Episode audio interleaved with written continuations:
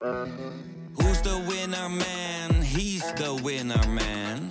Is hij miljonair? Geen idee, maar nou en. Je hebt geen jackpot nodig to be a winner man. Oh oké, dat is wel lekker man. Bine ați venit la Knorr Podcast! Ne bucurăm că ne ascultați! Sunteți gata? Atunci să începem! We verder? Ja. Ja. ja, ik heb nog een researchvraagje. Ja, Sander, wel, we zijn weer terug. Ja, heb jij een research? Een researchvraagje. Want het slaat een beetje aan wat we het over hadden. Want in het, nog een interview wat ik van je las, dat is ook niet zo lang geleden. Ja, research. Ik heb gewoon even tien, Half uur tien minuten gekeken. Zeker. Alleen toen... toen, toen Wordt steeds minder. Cheers, jongens. nou, Cheers, Erik. Fijn dat je er bent. gezondheid. Cheers, Sander. ja. Fijn dat je er Yes. ook bent. Het sluit een beetje aan op waar we het over hadden. Je zegt van, vroeger kon je gewoon... Je zegt, vroeger deed ik wel eens een typetje of dan zei ik iets wat, waarvan ik vanuit ging... ehm, iedereen snapt dat ik zelf het tegenovergestelde vind van wat ik nu zeg. Maar toen zei je in het interview, dat zou ik nu niet meer doen, want ik weet gewoon dat het niet begrepen gaat worden. Is, is dat nog steeds aan de hand? Heb je, heb jij, ben jij het, het vertrouwen verloren dat mensen bijvoorbeeld ironie of, Nee, hoor. of, of dat ze dat begrijpen? Nee, alleen in, in- nee, dat, daar ben ik, dat, ik ben daar Of misschien niet bang voor. zei je dat helemaal niet hoor. Dat Nee, ik las, in het ik interview. las het pamfletje ook van, eh, van eh, Arthur Umgroven. Dat, eh, Sorry? Die, nou, die schreef echt de, de wederafbouw van de satire. Die eh, heeft hij geschreven. Nee, het ligt heel gevoelig, ik- Martijn. dit Het is een van de mensen die hem ik dat, heeft, als ik dat heeft echt, weggestemd. echt een kneus vind, dat is het wel Arthur Umgroven. nou ja, Heeft hij iets zinnigs Hij geschreven? hoeft het blijkbaar. Ik was het volstrekt niet met hem eens. Oh, gelukkig. Maar ik begrijp wel dat hij dat pamfletje schreef. Want het is. Het ging over dat satire niet meer kan. Nou ja, dat, dat, er, dat inderdaad dat de cancelcultuur en de, en de, Ah. Politieke correctheid. Nou ja, ook een beetje. Nou, daarom is heel interessant wat ik je net eh, vertelde. laatste maar dan wordt het toch juist heel interessant om het wel te doen, Ja, lijkt mij. natuurlijk. Ja, maar daarom zo. moeten jullie dus ook allebei... eh, ik zal het niet meer onderbreken. De nieuwe show Ja. Dave Closer. Chappelle, ja. De Closer vandaag van Dave. Chappelle op Netflix. Luisteraars Lieve luisteraars. Ja. De Closer, Dave Chappelle. Over cancelcultuur. Over zijn eigen ervaringen ermee. Mhm. Wat een top show. Oké. Ja, Dit is voor Arthur Umbro vond het ook een hele komt goede. Hou op over Arthur Umgroven. jij begint erover. Nee, jij begint erover. Dit gaat er allemaal uit, hè? Nee, dat gaat er helemaal in. Oké, dan gaan we. de Oké, wederafbouw Er gaat niks van, meer de, uit. van de satire. dan gaat niks meer. Ja, alleen wanneer ik iets dom zeg, dat gaat eruit. Maar dat, dat is gewoon een uur. Nou, dit gaat er dan weer uit. Oké. Nee, dit blijft er ook in. Ja, jij bent uiteindelijk de man met de schaar. Je, bent, jij hebt de macht. Nou, ik, en, en de, en de werklust. Maar, ik, ik weet natuurlijk totaal niet. Daar ga ik nu achter komen of er überhaupt wel eens geknipt wordt en wat eruit gaat. Vroeger wel, maar nu niet meer. Maar- alles blijft erin. Volgens mij- Hoe was je show over horen Dr. Anders alles Hoe is het Nee, we dit zitten toch eerst nu met de vraag met Ik cancel dingen. Je hebt toch- research gedaan. Ik heb heel eventjes die vraag over. Oh, sorry. Ik ben ook geen interviewer. Ik ben Nee, helemaal niet. Nee. heilig Nee. van overtuigd dat je tot op hele grote hoogte, 99,9% mag je doodgewoon op ieder podium alles zeggen wat je wil. Over Mohammed, over de islam, over Baudet, Ho, ho, ho, ho, over, eh. Knip, knip, knip, knip, knip, knip. R- Ridouan T, over alles. Alleen, het is niet gezegd zomaar dat eh, zelfs je eigen publiek Hmm. bepaalde dingen nog leuk vindt in het licht van weet ik veel wat er gebeurd is. Nee. Eh, Dus je moet gewoon elke keer opnieuw. Dat was vroeger. Er is geen verschil tussen vroeger en nu. Want elke tijd heeft, ze- heeft zijn kadertjes en zijn moeilijkheden en zijn ding. Dus je moet je gewoon. Je, je beweegt mee. En eh, ja, Gerard Cox werd nog door het hele land toegejuicht. omdat hij een Surinamer nadeed op een hele. Eh, overdreven, stomzinnige manier. Dat is En, dat vond, en, dat vond, en daar lachten we allemaal ons kapot om. En dat zou die, ook zelfs Gerard Cox zelf nu niet meer doen. Maar is overgevoeligheid niet een verdienmodel geworden waar we nu dus tegenaan kijken? Dat is volgens mij een probleem. Omdat heel veel mensen soms in een tekst van een ander een kans zien om zichzelf Nou, eh, eh, te profileren. En, nee, maar dat is toch nu wat er gebeurt steeds? Ja, maar verdienmodel, dat vind ik overdreven. Die, de meeste van de, van, de, van de activisten of columnisten, en zo, dat, dat zijn allemaal kleine krabbelaars. En die hebben heus geen grote macht.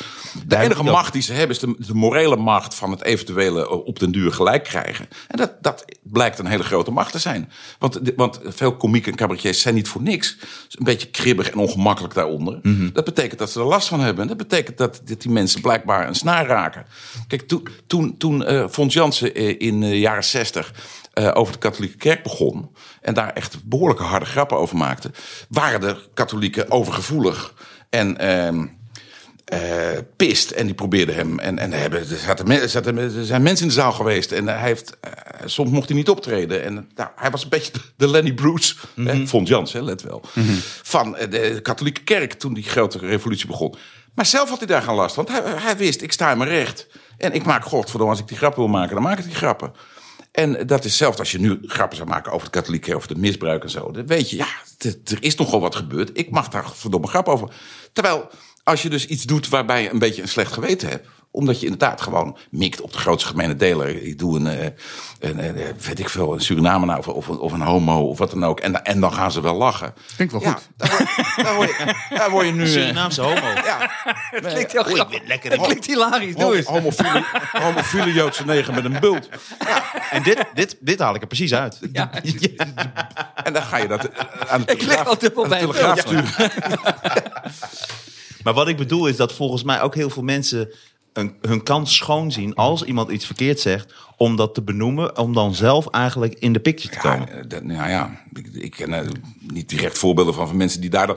De mensen die dat eventueel proberen en die dat dan lukt... die krijgen zelf meteen weer op hun beurt zo'n backlash. Dat, Ja, maar die het- winnen het- daar niks er mee. is maar één persoon nodig om dat eruit te halen. Dus er gaat iemand kijken bij een show van iemand, gewoon live. Bijvoorbeeld Louis C.K. komt net weer terug Ja, en die gaat spelen. je en die, laat niet- dat, die gaat het opnemen en die zet het meteen online. maar- Kijk eens wat Ja, maar is niet, doet. is niet, eh, je hebt het over die show van Dave Chappelle. Is niet juist zo'n tijd als dit, als, als, als dat een probleem aan het worden is. eh, Ja, dit klinkt misschien een beetje, een beetje dramatisch. Maar staan dan niet juist gewoon de hele goede comedians op? Nou, dat is het En geval gaan de van slechte Dave comedians gaan dan...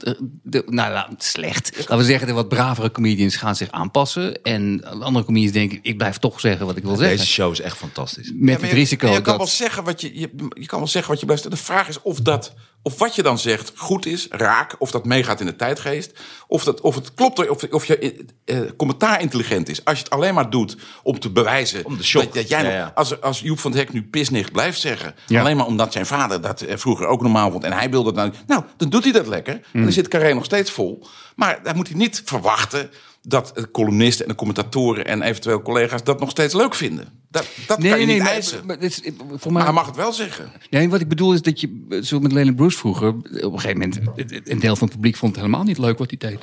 Maar dat maakte hem niet zoveel uit. Het, het, het, het- het hele idee van, oh, nu vindt iedereen dit. En ik kan er heel makkelijk op meevaren. Ja. Maar dat zijn toch het is- wat kijk, minder interessante comedians. Maar in dit geval, het is ook niet zo dat iedereen nu vindt dat eh LBTHQ eh, eh, superbelangrijk is en dat het daar allemaal over moet gaan. Dat, dat, vergeet dat negen letters, Dat de, slaven, dat de slavernij eh, eh, allemaal flauw. Dat is nog lang geen gemeengoed. Mhm. Dat is niet de mainstream nog. Sterker nog, de mainstream lijkt wel te zijn eh, de mensen die binnenkort voor 55% op, op de PVV en, de, en, en het Forum stemmen. Dat is nog steeds, eh, zijn die eigenlijk de baas, lijkt het wel. Het gaat wel die kant op. Nou ja, ik ben benieuwd wat dat dan vervolgens voor backlash betekent. Maar eh, Nou, en wat voor, wat voor maatschappij we dan krijgen. ja, ja. Ja, maar dat is, ja, sorry, maar dat is dan toch, stel dat dat gebeurt. Dat is dan toch voor comedy zou- veel, een veel interessantere zijn, arena dan, dan eh, wat er nu is. Als waar, de politieagenten in de zaal zouden zitten om te kijken of we Baudet niet beledigen, dat zou een hele interessante toestand Nou ja, kijk, ben, dan ben ik benieuwd wie, wie nog zegt wat hij Ja. wil. Dan, dan, dan dat wordt het kaf een beetje van het koor. eh, ik stop onmiddellijk met comedy dan. maar dan haal je wel de goede, de goede comedians over. Maar, want nu is het, ja... ik- Nee, dit moet ik niet zeggen. Daar weet ik te weinig vanaf. Maar het is nu, het is nu misschien soms iets te makkelijk. En, en eh, om precies te zeggen wat je wil. Het wordt interessant als het niet zo makkelijk is om te zeggen wat je wil. Nou ja, Lijkt mij. De- de- deze hele discussie is al interessant genoeg om, om comedy over te maken. En, en goede doen dat natuurlijk ook. Mhm. Theo's, uh, hele laatste programma ging er toch min of meer over. Van wat, wat, wat mag ik nog zeggen als witte man? Maar dan, dan wordt hij dus echt, echt Dat is Brabander. door iemand, eh, ja, en als Brabander als minderheid. Ja. En dan wordt hij door iemand als Sunny Bergman eh, daarop eh, georganiseerd door de Volkskrant stevig in, in zijn ballen ge- getrapt. Ja, daar moet hij wel tegen kunnen. Dan moet je dat verdedigen en dat heeft hij ook gedaan. Maar dat, was, dat vond ik een heel interessant interview. Want zij zegt, ja, ik zie wat voor mensen die hier om, om, om mij heen zitten. Ik zie dat, dat zijn fans van jou, die, die lachen daarom. Ja, dat vind ik toch iets te makkelijk. Want je, je zet ook een aantal mensen in de hoek. Je maakt een probleem van iets wat helemaal geen probleem hoeft te zijn. Dit is misschien wel de nieuwe richting die we met z'n allen op moeten. En dan ga jij je dan nog, toch nog tegen verzetten. Dat valt een beetje van je tegen. En, Ik denk dat we eh, naar een hele Daar werd mooie- ongemakkelijk eh, van. Ik denk dat we naar een hele mooie tijd toe gaan. Is dat de overgevoeligheid wordt nu gewoon overrun door mensen die zeggen... ja, ik, ik, ik ben hier klaar mee. Want al, alles wat je zegt wordt onder een vergrootglas gelegd... en je kunt niks meer zeggen. Waardoor dus nu veel meer mensen gewoon gaan zeggen wat ze willen. En dan zie je zo'n Dave Chappelle die dan aan het front staat... Ik ben en, en hoe zegt hij dat hey, op- ja. ja, dat is heel erg mooi. En Maar zijn makkelijk ik word meteen geïnspireerd. Ik Ja. meteen geïnspireerd dat ik denk... ja, hij laat nu zien van... Hey, je, Maar hij zal je toch moet juist dingen zeggen. hij zal toch wel toegeven, denk ik. Kijk, ik ken niet precies die grappen waar het bij hem om ging. Maar ik weet precies wat voor type grappen, want wij hebben ze zelf allemaal gemaakt. Het was heel makkelijk om de knop homo te drukken. Nog Daar zit ook in, ja. ja. Ja, maar dat, daar is hij op aangevallen, volgens mij. Onder andere, ja. En er was een hele tijd dat je gewoon vrij makkelijk, vogelvrij, over gays en homo's en, eh, en kappersnichten en pisnichten en weet ik veel wat, kon je gewoon lekker op losgaan. En dan zat iedereen mee te lachen. En op een dag, vroeg of laat, en dat kan je wel vervelend vinden, maar dat, zo gaat het nou gewoon. En terecht. Zeggen die gays, sodemiet erop. We worden nog steeds... Sodemieter op. We- sodem- Ja, Ja. niet doen. Niet. Ze zijn, godverdorie, ze worden nog steeds in elkaar geslagen. En in, sommige landen de doodstraf erachter gesteld. Eh, nieuwe problemen hier met eh, andere bevolkingsgroepen. Allemaal gekloot. We, we eisen nu dat het echt eens een keer ophoudt. En dat je in ieder geval niet meer door mensen die, die het theoretisch met ons eens zijn. Die natuurlijk eh, is... eh, Gerrit Koks niet anti-homo, niks. Maar maak er niet makkelijk grapjes over. De koks niet natuurlijk. hè. En Erik van Muiswinkel. Hou op met die, met die, met die slappe grapjes. En dan moet je daar ja, toe, moreel toe verhouden. Ja. En dan is het misschien wel eens tijd om met sommige dingen inderdaad Nou, te stoppen. Dave Chappelle heeft bijvoorbeeld, lag ook onder vuur om transgenders. Ik, die show moet je echt kijken, het is gewoon Ah, ja. fantastisch. Maar op een gegeven moment geeft hij een voorbeeld van dat er één grap was. Dan zegt hij, waarom kan Caitlyn Jenner gewoon veranderen van eh, gender? Ja. En kan Cassius Clay zijn naam niet veranderen in Muhammad Ali? Waarom is dat zo moeilijk? En dan legt hij uit, dan wordt hij, krijgt hij helemaal alles over zich heen over van transgenders. Maar dat hij zegt, ja, je moet het begrijpen, die grap gaat niet over transgenders. Die grap gaat over zwarte mensen Juist. die minder rechten hebben. Dus daar gaat die, die grap moment- gaat over mij, die op- gaat niet over jullie, zegt hij. Op het moment, exact. En op het moment dat je zo'n uitleg kan geven, dat je gewoon, je moet, je moet vind ik, altijd als comedian, Ja. wat, wat je ook doet, waar je ook doet, of een betaald optreden is of, of op de markt, je moet altijd 2000% achter je eigen grappen kunnen zijn en, hem- en ze kunnen uitleggen en ze kunnen verdedigen. Maar is dat niet, is dat Ja, niet dat is helemaal waar. Dat is, want het uitleggen is altijd zonde weer van de grap. Uit- natuurlijk. dus precies, nee. ja, ik snap wat je bedoelt. Moreel uitleggen, Maar als Ja, iemand, niet als grap. Is dat niet leuk deze om een show te maken? De, de- die noemt gewoon sorry mensen. En dat je gewoon een show maakt waarin je zegt... alles. Al die oude grappen die ik We- gedaan heb. weet- jullie nog? Sander, wij hadden toch dat idee? Wij hadden zo'n We goed hadden idee. Sander. Of eh, Erik, we- weet je wat ons idee was? We hadden een, eh, een podcast bedacht dat, het dan, dat je dan zelf moet knippen. Dus we doen één aflevering, die moet je dan zelf knippen. Want daarin zeggen we gewoon alles. Dus we zeggen gewoon alles. Dat is jouw idee. Ik Ja, weet natuurlijk het is, niet. Oh, alles, mag de- alles is mijn Nee, maar ik idee. weet- dit is voor mij nieuw. Dit. Nee, dit is mijn... Ja, maar Ja, omdat jij heel veel drinkt, Ik vergeet je herinner me dit. Oh, Ja. Ik herinner me dit. Ja. Jezus. Dus dit is hij herinnert zich dit uit de Zelf podcast. knippen, zelf vrij eh, als, als kijker mag je, Precies, als dus, luisteraar mag dus je wij leveren eigenlijk alles wat we zeggen. En dan moet je zelf de gevoeligheden eruit halen die je niet leuk vindt. Dat is toch briljant? Ja, ik heb zoveel goede ideeën. Nee, maar het leek me, ook- bij zo'n show lijkt me gewoon leuk dat je echt het vreselijkste grappen. Dat, dat deed ik tien jaar geleden gewoon. Ja, sorry. Sorry mensen, maar alleen maar. Nee, dat is eigenlijk Hele nare en, en, grappen. her- Maar dit is toch een goed idee? her- is een goed idee. Herinnert u zich deze nog? Ja. Ja. Heb jij een grap, Erik, waar je echt spijt van hebt een beetje? Dat je echt denkt, ah... Eh, nou, grap, ja, dat, dat was zo type. Ik heb een keer iemand met een hazelip gespeeld. En eh, ja, dat is ook zo. het klinkt hilarisch. Ja, meteen al. en het, ja, maar de, de- waar je dan spijt van hebt, is dat de, de reacties die dat bij het publiek oproept, die zijn inderdaad heel voorspelbaar en eh, lekker eh, dik. En Want het was een luchtverkeersleider het met een dat- Ik weet het niet meer. Die, sloeg met tegenwind voor zijn ogen en allemaal van die. Ja, maar dit is toch ook. Dit is toch ook dat, er hoeft toch maar één keer iemand na afloop met een kind dus een naar je toe komt, ook dan is het niet meer leuk. Ja, dan vind jij, ik had een keer een, een, een Ja. pianonummer en dat was de, het refrein was leefde je moeder nog maar. Verder weet ik niet waarom ik dat Ja. zong. Maar er liep zo iemand, terwijl ik dat zong, Ja. liep, liep zo huilend weg. En de, de moeder was dan net een week ervoor. Ja, dan is voor mij ook de lol eraf. Dan is het gewoon niet leuk meer, omdat het zo totaal niet de bedoeling is. Maar, maar Ja, maar daar kun je ook niet rekening Ik had Daar kun je ook niet gisteren- rekening mee. Gisteren speelde ik in het... eh, leed kan je geen nee, mee Gisteren speelde ik in het Singertheater in Laren. En toen... en ik eh, sla iemand op de eerste rij op zijn bek. Nou, en op de eerste rij Ja. eh, zit een, een moeder met de dochter. En dat meisje was tien. Mm. En die moest heel hard lachen. En vroeger... Het is wel weer jouw core audience. Om, Nou, het, om, maar- het, om het anusgedeelte. Nou, er zit, ook, er zit wel veel aan. Er zit vrij veel anus in, maar zij weet wat het is. Dus Maar- moet het kunnen.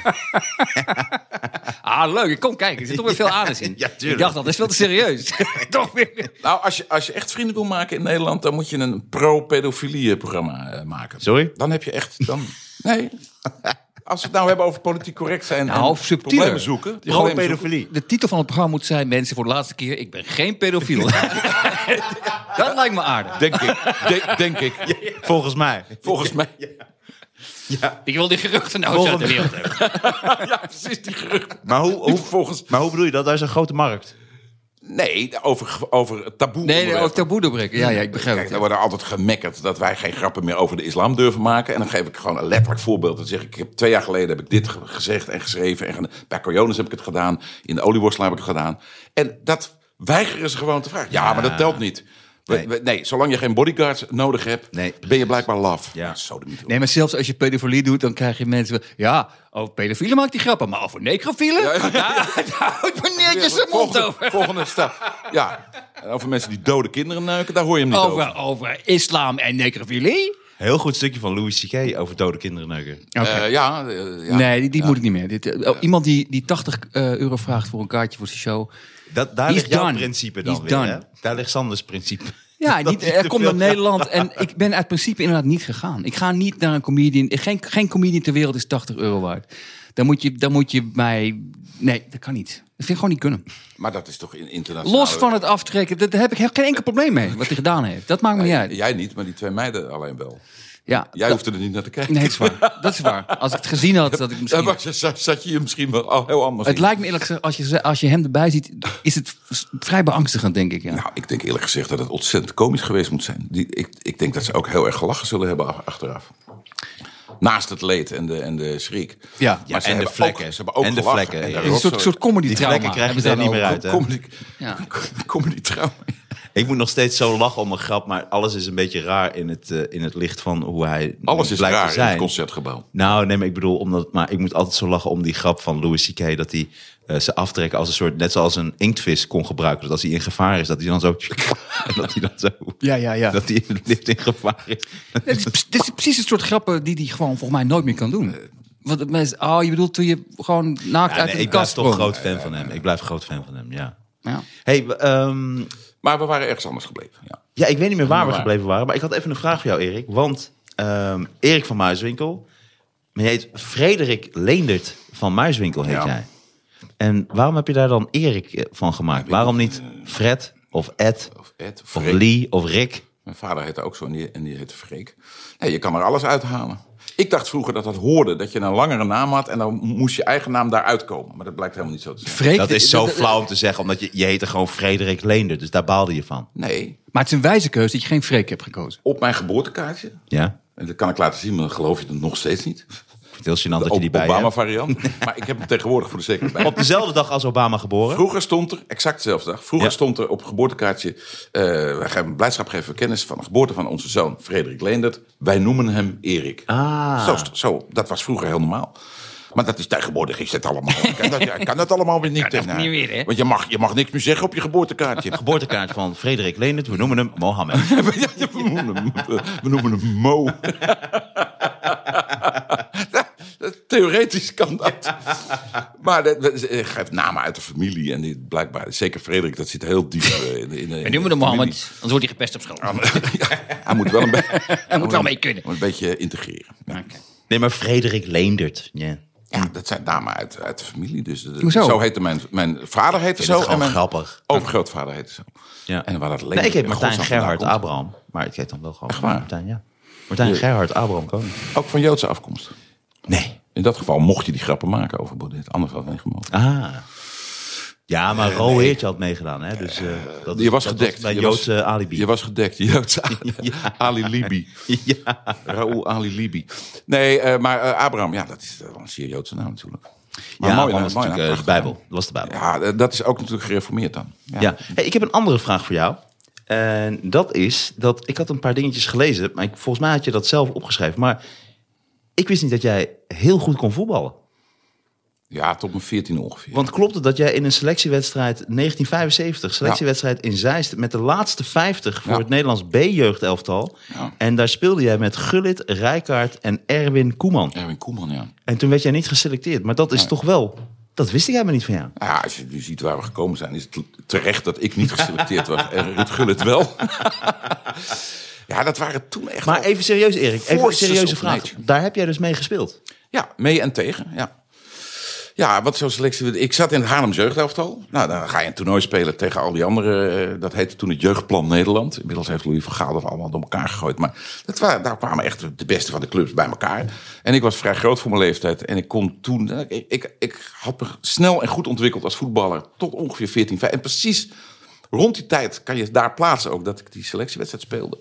Eh, eh, bleek uit alles, met name mentaal, dat ik dat uiteindelijk toch helemaal niet geschikt voor was. Hoe bedoel je mentaal?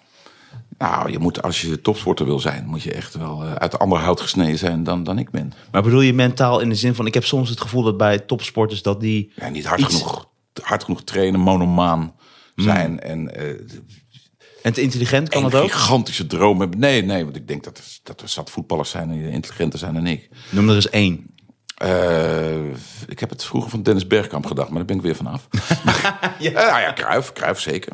Cruijff is op, op, op vele manieren intelligenter dan de meeste mensen. Was. Nou, Rijkaard, Frank Rijkaard heeft Frank in Toemelen gespeeld s'nachts. Eh en in die opname, daar heb ik nog opnames van. Eh, en die heeft toen Was- Cruijff omschreven als een hele domme man, maar die wel eh, he- heel inzichtelijk Boerenslim, en heel ja. boerenslim. Ja, ja. ja, natuurlijk, dat is ook weer wat anders. Ja, nee, domme man was hij zeker niet.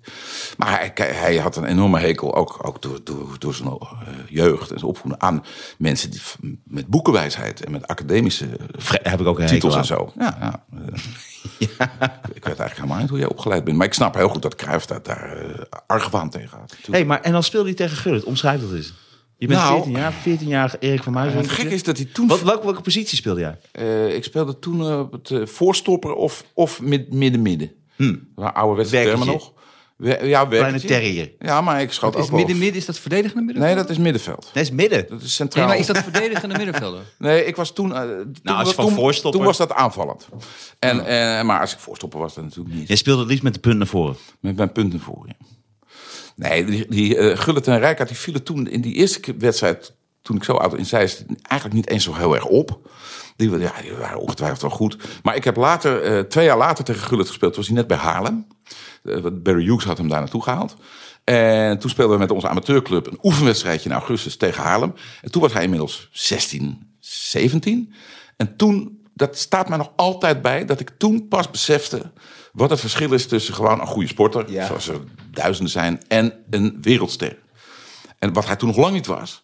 Maar die gozer, had, er hing een, letterlijk een soort aura om hem heen. En als hij de bal kreeg, als hij versnelde, als hij, als Ja, hij ja, ja. schoot... er gebeurde iets waarvan je gewoon dacht... Oh, waarvan ik letterlijk dacht, oké, Ja, ja. eh, hier bemoei ik me niet meer mee. Dit is echt wat anders. Ik word cabaretier. ik word... Ik, Ik ga zwart, ik ga zwarte piet schrijven. Kom dat nog een moment- beetje in de buurt. viel het, op dat moment viel het kwartje. Je moet dus blijkbaar een kleur hebben... Ja, ja, ja. om het ver te schoppen in de maatschappij. Ja, ja, ja. Oh man, wat was die verschrikkelijk goed. Dit lijkt me wel een heel Maar- mooi maar had je- moment om af te ronden. Maar Erik, als je heel eerlijk bent, wat je zegt over Oh, mentaliteit, had je denk ik, je hoeft helemaal niet jezelf, je hoeft helemaal niet onbescheiden te doen, maar gewoon qua puur basistalent. Als je wel monomaan was geweest, Nee, had je dan een kans gehad? Ook niet. Nee, nee, echt niet goed genoeg. Nee. Maar Nee. dat doe je wel in je werk nu. Dus wat is dan het verschil? Nou, ja, nee. Ik ben ook niet zo monomaan als, als een Freek de Jonge. Of zo. Ik, ben, eh, Oh, dat vind ik, ik vind mezelf best nog een beetje lui, maar dat schijnen, schijnen veel mensen te hebben. Ik doe wel heel veel verschillende dingen, maar ik kan, ik kan ook niet zo goed jarenlang op één ding concentreren. Ik vond die televisie hartstikke leuk erbij. En als je echt, nou, iemand als Jochem Meijer, die, die probeert zoveel mogelijk daar weg te blijven. Want die, die wil die, die show maken en die moet duizend procent perfect zijn. En dan gaat hij hem ook 500 keer spelen. En ja, zo zit ik helemaal niet in elkaar. Ik wil elke avond een beetje kijken Maar waarom heb je dit, dit klinkt een beetje als slijmerig, maar dat is niet zo bedoeld. Waarom heb je nooit een, gewoon een eigen personality show gehad? Want omdat jij volgens mij de kwaliteiten hebt, je kunt imiteren. Je, je zou, in Amerika zou er een Ja. show om iemand heen gebouwd Ja. worden die al die dingen kan. Is dat wel eens gevraagd of heb je dat wel geambieerd? Eh, nou, het is wel, het, het, het zong op een gegeven moment wel rond. De- de- we hebben het er wel over Ja, je eigen huis, ja. Ja. mijn, eh, mijn kinderen zijn op een gegeven moment eh, over begonnen. Ja, ja. en mijn boekhouder. Nee, het, nee, ik heb toch altijd in teampjes eh, dat Mhm. gedaan. En ik schoof ook altijd aan, een beetje in, in rijdende trein. Nou, kopzijkers heb ik er wel echt helpen ontwikkelen in het begin. Maar daar voelde ik me veel, veel beter bij. En de paar keer dat ik bijvoorbeeld heb geïnterviewd mensen, ook voor tv, dat was echt, echt geen succes. Want dat is een, weer een heel ander vak. En dat schakelen. Wat tussen- mis jij dan? eh, Interesse. ja, een soort basis em- empathie. Nuchterheid en interesse. Nuchterheid, Drie interesse. dingen, in- empathie, nuchterheid, interesse. En- het boeit me gewoon niet. Nee, überhaupt andere mensen. Ik vind, er zitten we in de weg. Eh, ja, ik kan het niet. Nou, er gebeurde bij Coyonis bijvoorbeeld iets heel interessants. bij het programma wat we, hebben vier korte series. Coriolis? Ik, Vier korte serietjes geprobeerd. Eh, we krijgen st- steeds veel te, veel te kort de kans om, om het uit te bouwen. Want vier afleveringen, ja, daar maak je geen publiek mee. Maar eh, aanvankelijk zou ik dat presenteren en dan ook in sketches schieten en iedereen eh, om me heen. En een beetje wat met die oudejaarsconferentie, daar lukte dat wel aardig. Maar met bleek al heel snel dat dat schakelen van gastheer naar typetje, naar column, naar eh, weer even een, een nummer, een eh, Michael Day aankondigen. Dat, eh, ik werd daar gek van. En ik kon me niet op mijn, op mijn eh, comedie eh, moment concentreren. Het plaatsen van grappen en het doen van een typetje en alles. Dat is zo'n andere mindset dan in zo'n studio de hele boel aan elkaar lijmen. En toen hebben we dat de tweede serie aan Thomas van Luijn gevraagd, weet je nog? Ja. Nou ja, die was daarvoor gemaakt. En ik ben er ook heilig van overtuigd, dat is een van mijn goede ideeën. Het Nederlands verdient ook een Graham Norton show. Die hadden we met Reur. Dat is echt, Ja, echt daar heel ben lang geleden. Maar, begonnen. maar daar ben ik ooit begonnen. Daar ben je ooit begonnen. Jan Lenfrink kon dat dus wel. Ja. Op een dat hele, was een leuke show. een ja. hele grappige Hoe onhandige kwam je daar terecht trouwens? Of kan ik dat straks even vragen? Eh, via de redactie van Propriacurus. Propriacurus, ja. Propriacurus. Eh, waar Bo van Ervedorens ook begonnen is. Maar, eh, Alleen maar toppers komen daar Ja, er is geen, uiteindelijk geen Graham Norton show gekomen. Robert Jensen is het ook net, net niet geworden. Het, is toch, het zit er toch nog net niet. Nou, Net niet? op de een of andere manier is dat... Is dat ja, een beetje- Gelukkig gaat het nu wel goed met hem. Ja, inmiddels is het helemaal goed gekomen. Het is helemaal mainstream geworden. Maar, maar eh, Thomas van Luijn, zou, dat, is, dat is de Nederlandse eh, Graham Norton. Die weet namelijk onwaarschijnlijk veel van Ja, maar dan film, moet hij wel eerst officieel uit de kast komen. En als zolang die in die kast blijft zitten, dan wordt Nee, het joh, niks. ik ken zijn vrouw en eh, het is niks kast. Nee. Je hebt nou ja, mensen die, die eh, schitteren. Wat ik jammer vond van, van Coyones is dat ik op dat moment... Ik was nog niet klaar om... Zat je er ook bij? Ja, maar ik was nog niet klaar ik met- leren kennen. met eh, ehm, regisseur te werken. Want bijvoorbeeld Hans Riemens, dat, dat, dat, Ja. ik, ik vond dat heel moeizaam. Ja. Maar bijvoorbeeld nu heb ik dus en door Raoul geleerd en door nu werk ik met Tieten Stiel Groenestegen, heb ik, snap ik de waarde van zo'n iemand. Omdat ik heel vaak zie ik dat als een soort vijand die zich met de in, Die ja, regels- bedreiging die met- regeltjes stelt. eh, waar Precies, terwijl dat- comedy te maken terwijl dat toch nodig is om structuur en om verder te komen. Ja, Nou, dus, ik, eh, ik begrijp nog steeds niet. Weet je. Ik, ik heb me ook. Dat, dat is voor een vorm van luiheid. Bij al die tv-programma's, ik bemoeide me nooit met montage of uh, regie moet je wel of doen soort dingen. En als je echt een goed tv-programma Ja, maakt op jouw voorwaarden, Ja, dan moet je daar allemaal bij zijn. Ja. En verkoop Nee, de bier. je moet je er niet alleen bij bemoeien, je moet de montage doen, denk ik. Ja, Want eh, Ja. comedy hangt op montage. Als Ja, je dat uit handen geeft, Ja, dan maar, eh, vraag je om problemen. Margot en Maaike van uh, Toren C, die hebben dat ook van het begin af aan zelf gedaan. Zelf geproduceerd, zag je altijd. Dit. En Want wat ik leuk vond, Erik, ik had daar nooit zin in. En dat, is, dat is slecht, want Wat dan ik leuk krijg je nooit een goede schakel. jij hebt eh, eh, heel vroeger ook een programma gemaakt met Margot Ros. Ik vind dat zo'n, dat vind ik nou zo'n leuk, grappig Ja, mens. ja, dat. ja, dat is niet te geloven. Heb je daar nog veel contact mee? Zo goed.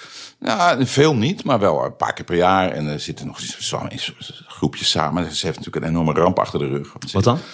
Nou, ze is met Waardenberg en de Jong op een gegeven moment achter het podium aan... met volle vaart met de kop tegen een stalen balk gelopen. Nee. En ze heeft twee jaar moeten revalideren. Ja. Nee. Het is een wonder dat ze er weer bovenop Oh, daarom is. Toren C ook eventjes... eh, Ja, daarom stopte dat uiteindelijk. En toen, toen- dat duurde te lang, ook met corona. En nu zijn ze ieder hun eigen gang aan het gaan. En Mike is boek aan het schrijven. Oh, wat erg. Maar Margot is, is echt zo'n zo'n oer-comedienne. Weet je, Ja. Adele Bloemendaal, eh, Brigitte Kaandorp. Zij is, is echt altijd eh, geestig. Hm. En zij denkt ook als een comedian. Ze, ze ziet dingen als comedian. Ja. Eh, en en ze, denkt, ze is veel beeldender en plastischer dan ik. Ik ben eh, heel verbaal. Ik, ik kan op het toneel nooit zoveel. Moet ik gaan zitten, moet ik gaan staan. Ik vind het wel heel vervelend. Maar Margot kwam altijd met, toen met ideeën over settings en eh, decors en dingen. En ik wou dus met haar ook een tweede programma maken. We hadden toen een programma gemaakt, De Helderlul. Ja. Over mijn tv-ervaringen. En, eh, maar Margot wou daar echt als actrice en verder niks. de Helderlul? Ja, De Helderlul. Oh, dit is weer een referentie naar de kankerlul. Of- Ja, misschien. Oké. Maar dan een, een avant, eh, een prequel. wat, i- wat is een Dat kan ik helder wel. lul, Erik? Nou ja, eh, heel simpel. Dat was een hele populaire tv-jongen. Geen kut te veel voor helder lul. Die, die in wezen een enorme lul was. En hij speelde allerlei verschillende rollen erin, Margot ook.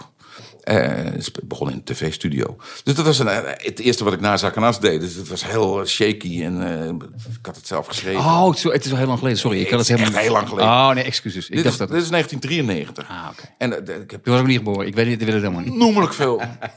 Heel Was je nog een heel klein jochie? een heel klein jochie. Ik weet het helemaal niet meer. Ik weet het niet, Erik. Wat, wat is Fons Jansma? Wat is dat? Ik, ik weet niet wat het is. Ik ken het niet. Jij bent toch wel van Nee, nee, klopt. Je hebt helemaal gelijk. Van 80 ben jij of zo? Sander is van 1951. Eh, 69. 69. Ja, We zijn gewoon samen nog uit de jaren 60. Absoluut, ja. Nee, Ja, maar, dus- maar Margot is inderdaad die, die is super. Maar ik had het over het, het zelf eh, monteren, schrijven, dat soort dingen. Je moet, als je tv maakt, moet je ook echt helemaal tv maken. En ik, ik wou cabaretier op tv zijn. Ja. Nou, daar kan je dus ook geen personality show. Want ik weet zeker dat ook Graham Norton, ook, eh, noem ze allemaal maar op. Mhm. Ik weet het van destijds van Len Frink. Die hielden alle touwtjes in handen. Heel belangrijk is Ja, dat. die Graham Norton, ik heb wel eens gezien. Ik vind het wel, ik zie hoe goed het is. Maar ik vind het ook, het soort- heeft een soort plastic gehalte. Ja, ja, ja, met nee, Hollywood is- acteurs die Nee, met nee, nee, nee, anekdotes nee. Komen. wel waar ik niet tegen kan. Je moet er wel is wel, dat niet tegen kan. Nee, maar wat heel goed is, Graham Norton is een op- en top comedian. Hij is echt zo, Ja. zijn improvisatietalent is heel erg groot. Erik, andere vraag. Hè? Jouw televisiedebuut was in School TV Weekjournaal. Jezus, ja. Na twee seizoenen ben je ontslagen, omdat jouw sketches en liedjes te moeilijk waren voor groep 7 en 8. Vonden ze, ja. Ja. Maar dat Was dat, was stond letterlijk, stond dat in ja, een... in mijn ontslagbrief. Oh, wat Oh, echt? Nee, maar dat was gewoon niet waar. Want? Ja, dat besluit jij of dat te moeilijk is voor die kinderen of niet. Ja. Want je hebt die je- kinderen nooit gesproken. Nou, nee, dat kan je helemaal niet nagaan. dat, dat betekent gewoon dat er, dat er was toen... Niemand mag je niet. geen, geen social media. Nou, nee, dat was het geloof ik niet. Dat betekent gewoon dat er, dat er twee of drie keer dan een briefje binnenkomt... van een of andere schooldirecteur die dat schrijft. Van, ja, nee, mijn kinderen, en het is, of het is te grof of het is te, te, eh, te moeilijk. Want het moet allemaal zo behapbaar en zo middle of the road Ja. mogelijk dan voor, voor die kinderen. Want kinderen mag je niet schaden. Toegankelijk. Ja, terwijl toen al, eh, toegankelijk en begrijpelijk. Terwijl toen al eh, Aart Staartjes en Joost Prinsen, die hadden al lang bewezen, al twintig jaar daarvoor, Ja, ja, ja. dat je juist rare dingen moet doen en een beetje ze moet laten schrikken. En het, Mhm. ik kreeg ook heel veel hele goede reacties toen. Maar het was wel bizar inderdaad dat ik om die reden, toen dat dat dan te, te ingewikkeld geweest zou zijn. Want ik maakte cabaret sketches. Ik ging een parodie maken op die domino D-Day, weet je wel. Dat je ging Ja, ja, al die dingetjes neerzetten. En als ik daar dan vijf minuten mee bezig was en de spanning had opgevoerd, dan flikkerde ik natuurlijk het hele ding om. Ook Laura en Hardy, maar dat vonden de kinderen prachtig. En dan kan ik een club van rare achternamen opgericht. Dat heette zelf van Muiswinkel. Dan kreeg je inderdaad duizend reacties van allemaal kinderen die heel erg heten. Hartstikke leuke dingen. Dat was het eerste wat ik deed op tv. Ja. Dus jij moet eigenlijk toen toegang geven. je- Jouw hele punt moest toen zijn: wat ik doe is zeker niet te ingewikkeld voor kinderen. Ja, daar had het dan moeten. Maar toen, vlak daarna kwam. En dat dan- ben je later gaan maken. Dan nog, en daar ben ik af. Daar ben ik nu zo. Het wordt steeds simpeler ook. Nee, ik begrijp wel steeds, steeds minder van dingen, denk ik. Dat is raar. Zoals? Nou ja, het idee dus dat, dat je in het begin van je leven ni- niks begrijpt. En dat je, heel, eh, dat je klein bent en eh, je moet opgevoed worden. En langzamerhand kom je erachter. En aan het eind van je leven, dan, dan begrijp je alles. Want dan ben je wijs geworden. Maar het, eh, John Cleese heeft dat een keer opgemerkt. En dat ben ik volledig met hem eens. Het is precies andersom.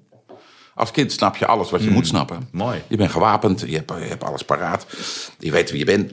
En dan in de puberteit komt de eerste twijfel. En dan midlife crisis, de tweede twijfel. En als je oud bent, dan is die hele wereld... Het, het wordt steeds onbegrijpelijker. En eh, En nu is het, ik, ik heb het gevoel dat het in sneltreinvaart gaat nu. Want nu gaat het heel snel. ook omdat we natuurlijk... Ja, maar dat vonden ze ook... eh, stel dat je in 1900 geboren was. Geen auto's, geen vliegtuig, niks. En hoe was dat? dan ben je in 1960. Maar- en, dan, en, dan, en dan heb je dat al. Dus het, het is vooral die generatie snel gegaan. Maar nu, nu wel heel erg snel. Maar noem eens, noem eens een. Noem eens een Nou, voorbeeld dan van, van iets waarvan. Is het gewoon. Wordt dat dan een soort. soort galligheid of cynisme dat je de mensheid niet begrijpt? Of is het. Is het, Nee, de, is de, het een- de, de, de, de manier waarop het bestaan georganiseerd is. Ik, je, je klampt je toch onbewust vast aan een heleboel dingen die vanzelf spreken. Democratie, eh, vrijheid, dat we, dat we, dat we eten hebben, een dak hebben. Dat mensen het, het beste met je voor hebben. eh, dat, eh, dat ons politieke systeem een beetje stevig in elkaar zit. Zoiets als pandemie, dat, dat, dat bestaat niet meer. Want de pest en de, en de, de polio zijn uitgeroeid. En langzamerhand kom je er steeds meer achter. Ja, jongen, dat is allemaal drijfzand. Want het kan allemaal net zo goed. Die, die tijdspannes, die, wij hebben nou een jaar of 50, 60 is het rustig en, en, en veel welvarend geweest. Hier ook niet besef van ja, dat is natuurlijk in een heleboel andere landen helemaal niet zo. Als je mijn leeftijd Vietnamees bent, of, of Koreaan, of voor dat matter eh, Chinees nu, of Tibetaan. Dan sta je voor lege zalen. Dan, dan- dan- dan- dan sta je Erik voor van lege zalen. En- winkel. En dan, ga je even niet. Dat kan niet meer. Dit kan echt niet meer. Ja, maar Vietnamezen verkopen toch veel lumpia's? Ja, dat is, dat is waar. Maar ook een heleboel niet. Nee, eh, het- Ik had ooit vind zo het gehad dat als je de hele wereldgeschiedenis ziet, dat er altijd zo'n klein lumpia-verkopertje altijd op de achtergrond zo'n klein kraampje heeft. De hele wereld lang. Zelfs in de holen. Maar ik, ik heb een tijd lang het gevoel gehad, misschien wel toen ik, weet ik van 20, 30, dat ik steeds meer grip op de dingen kreeg. En, Ja. en, de, en de laatste 10, 20 jaar heb ik het gevoel dat ik steeds minder grip op de dingen. En ook je, je smaak en je, je, je inzet verandert. Ik heb ontzettend veel tijd in mijn leven aan sport besteed. Eh, In mijn jeugd dus, dit over had is logisch. Heel veel voetbal en nog meer cricketen. Dat kost meer dan meer Cricket, tijd. fantastisch. Dat is mijn sport. En op een gegeven moment opeens, dat lijkt wel een soort cold turkey, dat ik opeens dacht, ja maar waar is het allemaal voor? Het, is, het blijft elke keer hetzelfde. Je begint het spelletje. Het is het spelletje, ja uiteindelijk heeft er iemand gewonnen en die heeft een beker. Weet je, Het gaat natuurlijk helemaal nergens over. En, en, en toch wil ik het ook niet, ik wil het niet eh, weggooien, want het blijft natuurlijk een ontzettende lol en de belangrijkste bijzaak van de wereld, is allemaal wel. Maar als je ziet wat, wat voor bloedig geld en tijd eh, erin gestopt wordt, eh, wat de mensen aan geld uitgeven om, om, om, om die kutwedstrijden te beschermen in, in de gemeente. En als je dan andere mensen ziet ploeteren, eh, die niet een, een, een of ander cultureel centrumpje uit de grond kunnen krijgen. Het, is zoveel inderdaad onrechtvaardig en scheef en alles. Waar moet je beginnen? En dan is het ook weer te laat. Ben ik ook weer te oud om serieus activist te worden of de politiek in te gaan. Daar ben ik totaal niet geschikt voor. Dus dan, langzamerhand word je steeds wanhopiger. En uiteindelijk, ja, een beetje, beetje eh, arm, armchair. ehm, Ja, pick, your, leunstoelactivisme. pick your battles, ja. Eh, dus uiteindelijk zal het- wel van een flat eindigen. Nou, lachen man. Als het op die manier, eh, ja. Zou je dat dan hier kunnen doen? Ik heb het balkon, Eerst even hier van het balkon net eens even bekeken. Het is twee hoog, maar dan weet je al een beetje hoe het voelt. Nee, maar het is wel een hele goede kunstmes voor voorstellingen. Ja, ja, ja. Je vroeg nog naar Dr. Anders P. Dat is, dat Ja, ja, ja, leuk. dat las ik. Ja, Je- dat- je- je ging Maar als jij een Dr. Anders P voorstelling doet... Nee, nee, die heeft hij al gedaan. Nee, dat snap ik. Maar eh, eh, gaat het bloed dan niet een beetje soort om, een, om een show te maken over de tijd van nu en over wat er nu aan de hand is en wat je nu voelt? Eh, je, je bedoelt juist vanwege Dr. P. Omdat dat... Nou, nee, eigenlijk Dat het meer zo in het actief- verleden de was. activistische kant van Erik van Muiswijk en ook wat je net omschrijft. Dat er zijn heel veel dingen die je toch wil uitspreken en duidelijk wil maken. Ja, de- de- niet alleen voor het publiek, maar ook voor jezelf heb ik misschien. mijn, mijn laatste programma dus eh, voor Dr. P. geprobeerd. Dat heette De Oplossing. En dat, dat wou ik over onderwijs laten gaan. Dat, daar was ik echt oprecht heel erg door gegrepen. Ik zag opeens grote visioenen. Ik had een aantal mooie filmpjes gezien, TED-talks, boeken Want ook gelezen. tijdens corona heb jij met de gedachte gespeeld om weer naar het onderwijs terug te gaan, toch? Eh, ja, ja, en dat heb ik ook zelfs een heel klein beetje wel gedaan. Ik heb nou eh, een project rond De Kleine Prins, dat, dat, dat boekje Le Petit Prins. En daar geef ik lezingen over op middelbare scholen. Dus ik ben ook een klein beetje daar. Ik, heb hier, ik vind het heel mooi, ook wat je Daar eh, in het begin had eh, geschreven. Dank je. Ja, nou, dat is voor jou. Maar ehm, eh, dan kom ik weer op scholen en er zit ook wel een soort- docent in mij, denk ik. Dus. Maar ehm, daarvoor had ik dus, ik dacht, ik ga dus inderdaad, eh, daar leent het onderwerp zich prima voor. eh comedy, onderwijs, er is ontzettend veel goede onderwijsnummers in de loop van het Nederlands cabaret. Maar daar ben ik uiteindelijk toch niet goed uitgekomen. Want dan wil je, als je in comedy, eh, in cabaret, eh, iets te veel van tevoren wil beweren. Ja, dan ga je daar naar schrijven. Dan ga je dingen daar naartoe schrijven. Dan ga je verhalen eh, weghouden omdat het nou helemaal niet erin past. En ik dacht dat ik dat had afgeleerd. Maar met dat laatste programma heb ik toch weer erin getuind.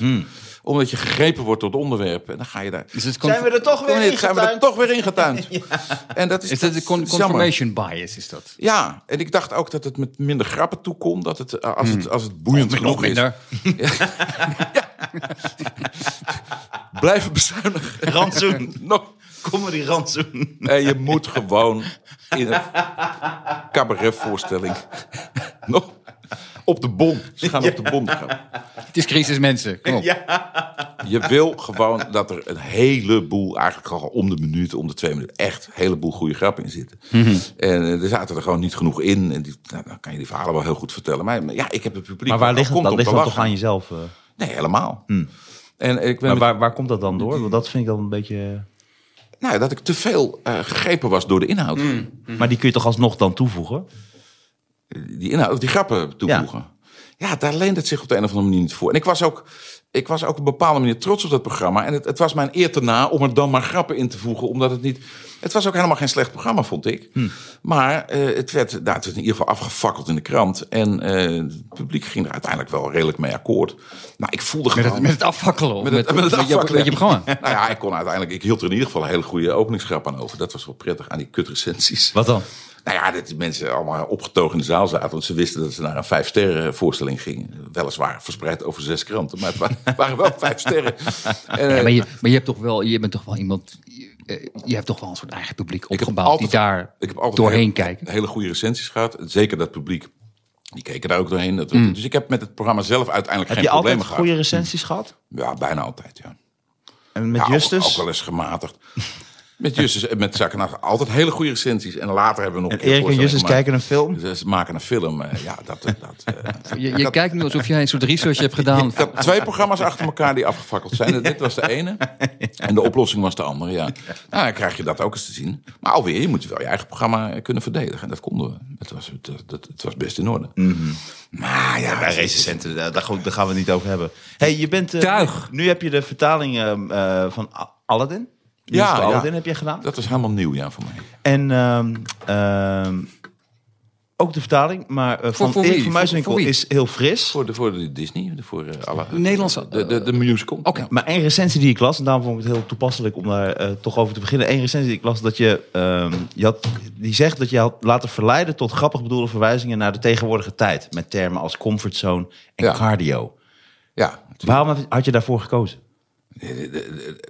Die grappen staan ook in de tekst. Hmm. Want de, die hele Aladdin is, is een beetje cabareteske musical. Ja. En die geest, die dus ooit ontstaan is door Robin Williams, eh, die, dat is een soort stand-up comedian. En die maakt grappen over, de, over wat er aan de hand is, eh, waar die speelt. Of die nou in Hamburg speelt, of in Tokio, of in Scheveningen. Dus die grappen zitten er gewoon in. Dus Eh, dat slaat nergens op. Dat, dat, dat- Wel nee, dat is, dat is niet mijn ding. Oké. En, en er komt op een gegeven moment... Een, eh, Dus het is eigenlijk vak Patrick van de Hanenberg. zit- eh, was dat van Hanenberg? Volgens mij wel. Nou ja, nee, er, er zitten verwijzingen. En er, er zit bijvoorbeeld, eh, dan ben je ook verplicht om daar zelf iets mee te doen. Er zit een hele opera-passage in. Nou, ik kan je niet één op één naar opera vertalen. Nee, precies. Dus dan maak je daar eh, de wereld door van. Ja, of eh, of eh, hoe heet die Gaston met, met, met die postcode. Dit is toch wel weer bijzonder. hè? Want je, je stipt dan toch weer iets weer aan. Wat dan... Jij moet een soort noodgreep, net zoals wat je dan Oprah, dat kan niet. Dus dat moet je de wereld draait door. En dan gaat de recensent opschrijven van, ja, eh, hij heeft allemaal grappig bedoelde verwijzingen naar de tegenwoordige tijd. Terwijl dat dus in het origineel zit. Dus een recensent kent het origineel niet, gaat naar de Nederlandse versie Ja. kijken en gaat dan een recensie schrijven over. Dit is, toch echt ik moet bijzonder. Eerlijk Ik zeggen. heb me heel erg ingehouden Het, het, is, Nee, ik wou net het is glad ijs om- en je mag het nooit doen, een soort taboe. Maar ik vind eerlijk gezegd van de recensie die ik lees, van mensen die. Als ik een show gezien heb en ik lees een recensie daarover, eh, in zeven van die gevallen vind ik het waanzinnig slecht geschreven, maar ook gewoon niet geïnteresseerd. Ja. Dus gewoon opschrijven wat je hebt gezien. Want hij kwam op Ja. en toen zei hij dat. En Na, na vertel. eh, het is navertel. Het is dus. Ja. ja dat Hey, vind ik ik had nog een vraag daarover. Hè? Nou, van Hanenberg weet heel veel van musical, want die recenseert al, al 30 jaar. Dus ik snap, ik heb dit stuk ook niet gelezen. Ik snap niet goed waarom hij deze faux pas zou maken. Ja. Want het is voor het algemeen bekend dat er zitten altijd leuke, kleine, actuele. Je moet dat alleen niet elke vijf minuten doen, want dan worden mensen er moe van. Ik had een vraag over die musical, de vertaling. Hoe erg bemoeide Disney zich met de vertaling? Eh, idioot weinig, naar mijn gevoel. Ah, Ja. want daar staan ze echt onbekend. Ja, staan ze onbekend. En ik heb nu toevallig, er is net een boekje uit met eh, dagboeken, aantekeningen van Martine Bijl, die, dit is, die er twintig grote heeft vertaald. Heeft Berend Boudewijn samengesteld. En dat zit ik nu te lezen. Ja, en die was daar, die was daar wekenlang mee bezig. Ook met, met, met overleg en over die. Nou waren dat misschien iets ingewikkelder musicals, Billy Elliot en zo. Maar ook, ja, de, Lion King, dat is verder ook gewoon vrij eh, tijdloos. Dat viel mee. Dus, eh, maar ik heb daar echt geen last van. Ze vertalen het terug. En dat werd heel kundig gedaan. Dus iemand vertaalt letterlijk wat jij vertaalt, letterlijk in het Engels. En het gaat weer naar Disney. Dan krijg je dus een heel rare, lelijke soort Google Translate-achtige tekst die niet meer rijmt. En dan kijken zij alleen, ja, zitten er geen gewaagde, eh, rare dingetjes in. Ze luisteren vooral muzikaal, dat is nog het lastigste. Je wordt niet geacht om extra nootjes of eromheen te doen. Of dat moet er precies inpassen. Daar zijn ze nog het strengste op. Ze luisteren naar klanken. Eh, eh, ja, Maar dat vind ik grappig. Jan Rot, ik had ooit een hele mooie tip. Want ik vind het ook heel leuk om nummers te vertalen en zo. En ik had van Jan Rot geleend, of geleerd, dat je soms moet je ook in de flow van een, van een woord eh, in vertalen. Dus, Ja. dus dat het, je moet het woord zoeken wat ook dezelfde eigenlijk uitspraak heeft en, en Ja. toon. Ja, en die, lange noten die ze moeten Ja, zingen. precies. Acht keer ja, per dat week. is altijd kut, hè? Want dat is heel moeilijk in. Nederlands. In het Engels zijn zoveel mooie, lange eh, dingen die je kan zingen. In het Nederlands is dat veel sneller, is dat korter. genoeg. Het, het- het- wat echt kut is. Nee, maar in Nederlands kunnen een O en een A, daar kunnen ze heel goed mee. Maar je moet geen U of een I Nee, zetten. Daar, moet- daar kan je rekening mee houden. Als je een beetje, ja, een beetje opletten. En dan doe je ze groot plezier mee. Ja, maar dat bedoel ik, omdat maar de, maar de U in, in Engels is natuurlijk veel Ja. maar de U hebben wij veel minder in het Ja, Nederlands. maar wel, wij, hebben, Eigenlijk wij hebben de oe. En dat, dan kan het ook best. Nee, dat is wel te doen. Het allerkutste is, van, uit het Engels vertalen, is dat zij eh, heel veel vormen hebben die één lettergreep zijn. Namelijk alle meervoudsvormen. Ja. Dus arms, legs, eyes. Eh, Ja, en wij zitten dan wor- met armen, world, benen, world, nen, nen, nen. love. Ja. En wij hebben allemaal liefde, wereld, armen, been, ogen. En ja. Ja. daar loop je dus de hele tijd tegenaan. En nou, eh, je wordt daar heel handig in om daar om, om, omheen te dichten. Ja, maar het was een, het was, eh, dat is echt heel erg leuk werk. Helemaal als je het dan vervolgens uitgevoerd ziet, dat is gewoon te gek. En het, viel mij mee dat in, nou, ik geloof ik iets van tien recensies heb gezien. En in, negen daarvan eh, werd de vertaling even genoemd. Dus daar ben ik helemaal niet, eh, niet ontevreden over. Dat is echt te gek. Maar dan heb ik misschien net toevallig de ene die- waar een kleine kanttekening dan bij Nou, misschien, eh, ja. Martine Buik kreeg ook wel eens op de lazer dat ze te grappig was geweest. Dat ze te veel eh cabaretgrapjes erin Mhm. had gestopt. Nou ja, als de sfeer van de musical zich daar eh, niet toe leent, moet je, je moet er wel spaarzaam mee zijn. Maar mensen vinden het ook heerlijk als er een klein geintje in zit. En hoe vaak heb je hem nu gezien? Nou, vijf keer denk ik. Ja? Met de première mee. Ja, try-outs gezien. Ja, ik zit vooral op de verstaanbaarheid te letten. Dat is ontzettend kut als je dat allemaal hebt vertaald. En eh, je Nou, niks. wat grappig was, is dat in die recensie staat ook de vertaling. Helaas was weer een hoop onverstaanbaar. Toch? Ja. Ja, maar je hebt gewoon de ene zure recensie van, van de tien toprecensies heb je nu daar. Nee, dat valt Nou, wel de mee. ensemble dingen zijn, zijn bijna niet verstaanbaar te krijgen. Maar de solo's waren juist uitzonderlijk goed verstaanbaar. Hmm. En op één solo was ik ook echt wel trots. Dat is een ballad. Trots op je zoon heet hij. En die jongen, die, ja, die komt van het conservatorium. Die jongen die Aladdin speelt, die, die zingt dat werkelijk. Nou, je hebt echt het gevoel dat je bij een opera, bij een, bij een, bij een kunstuiting aanwezig bent. En mensen zitten echt letterlijk met tranen in de ogen. Dat is zo mooi gedaan. Terwijl het is, het is een stom sprookje verder. En, en, het, en het zijn ook allemaal clichés. Maar die, die zijn zo goed. Die, die, die deun is zo goed. Ja. En als je daar dan precies de woorden in hebt gevonden die erin vallen, dat het eh, die emotie overkomt, ja, dan uh, dat is dat is te gek. Dat is goed gelukt. En dit was alweer anderhalf jaar geleden, dus het was voor mij nog een soort cadeautje achteraf. Dat was echt leuk, leuk om te doen. Ja. Leuk. Wat ben je een fantastisch mens, Erik. Ach, Martijn. Ga eens met mijn vrouw praten. nou ja, we zijn volgend jaar 35 jaar getrouwd, dus dat zal ook nog wel meevallen. Gefeliciteerd. Ja, man. Leuk. Even zo goed. Ja, eh, ik, ik ben van het allereerste begin af aan een knorrenpodcast man geweest. Ja, wat grappig hè. Nou ben je Waar hier komt de gewoon. knorrenpodcast? Dit Is dat Noors in het begin? Nee, het kwam gewoon als soort van woordgrapje wat ik, eh, wat ik verzonnen. We wilden iets gaan doen. Nee, ik bedoel eh, niet het het woord, maar die, die, die, die, die- dat eh trailertje, hoe heet het? Dat, eh, nou, hoe heet het? Een jingletje aan het begin.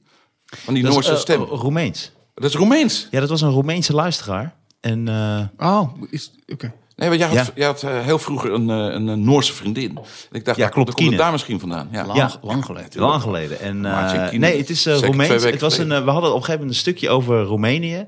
En toen was een luisteraar die had eh, gezegd, ik ben Oh. Roemeens. En die begon daarover. En toen had ik aan haar gevraagd, hey, zou jij een eh, introotje kunnen eh, verzinnen? Of voor de Knorren podcast. En dat heeft ze toen gedaan. Ah. Maar Sander luistert nooit. Dus die ik zit me aan te kijken met Ik een luister hele nooit terug. grote Nee. soort Nee, ik, kan niet naar mezelf, ik kan niet naar mezelf luisteren. Nee, niemand hoor. Niemand kan naar jou luisteren. Nee, je hebt een hele goede stem. Ja, markeert helemaal niks aan. Nee, hij is op een gegeven moment, weet je wat grappig is, Erik? Op een gegeven moment zijn mensen gaan zijn hem gaan complimenteren over zijn stem.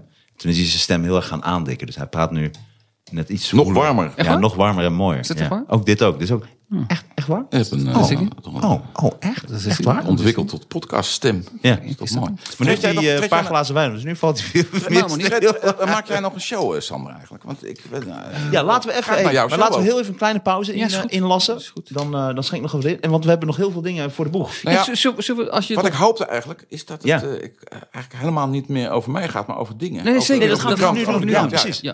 Dames en heren, dank jullie wel Wat- voor het luisteren. Maar Erik van dat leuk dat je er hebben, was. vond ik het heel, heel leuk om, om je een beetje te interviewen. Nou, oké. Ja. Ja. Dat gezegd hebben. Gelukkig, Ja. eh, Ja. gelukkig, want hey, dan, eh, dan gaan wij nu naar de exclusieve kant. Dus eh, lieve luisteraars, eh, als je dit nog allemaal wil luisteren, ga lekker betalen. We gaan nu het hebben over het nieuws. En eh, ik denk ook dat onze originele stemmen er straks ook weer in moeten. Want we hebben natuurlijk de de meest grote We kijken wel. typekast. We kijken wel. Typekast. Nee, typetjesman. Ja, Erik, ga lekker even Nou, schijten. vertel ik dat verhaal over Raoul. Ja, en ik heb het verhaal over Dick Advocaat. En jij hebt het verhaal over... Ja, Ja, dit is, er komt nog zoveel. Sander, kun je nog eventjes? Kun je nog even 2,5 uur? Zeker. Dames en heren, dankjewel voor het luisteren. En ga snel naar de exclusieve content. Dat is bij Vriend van de Show. Ik dank u Sander. Ik dank u Erik. Yes. Tot de volgende keer.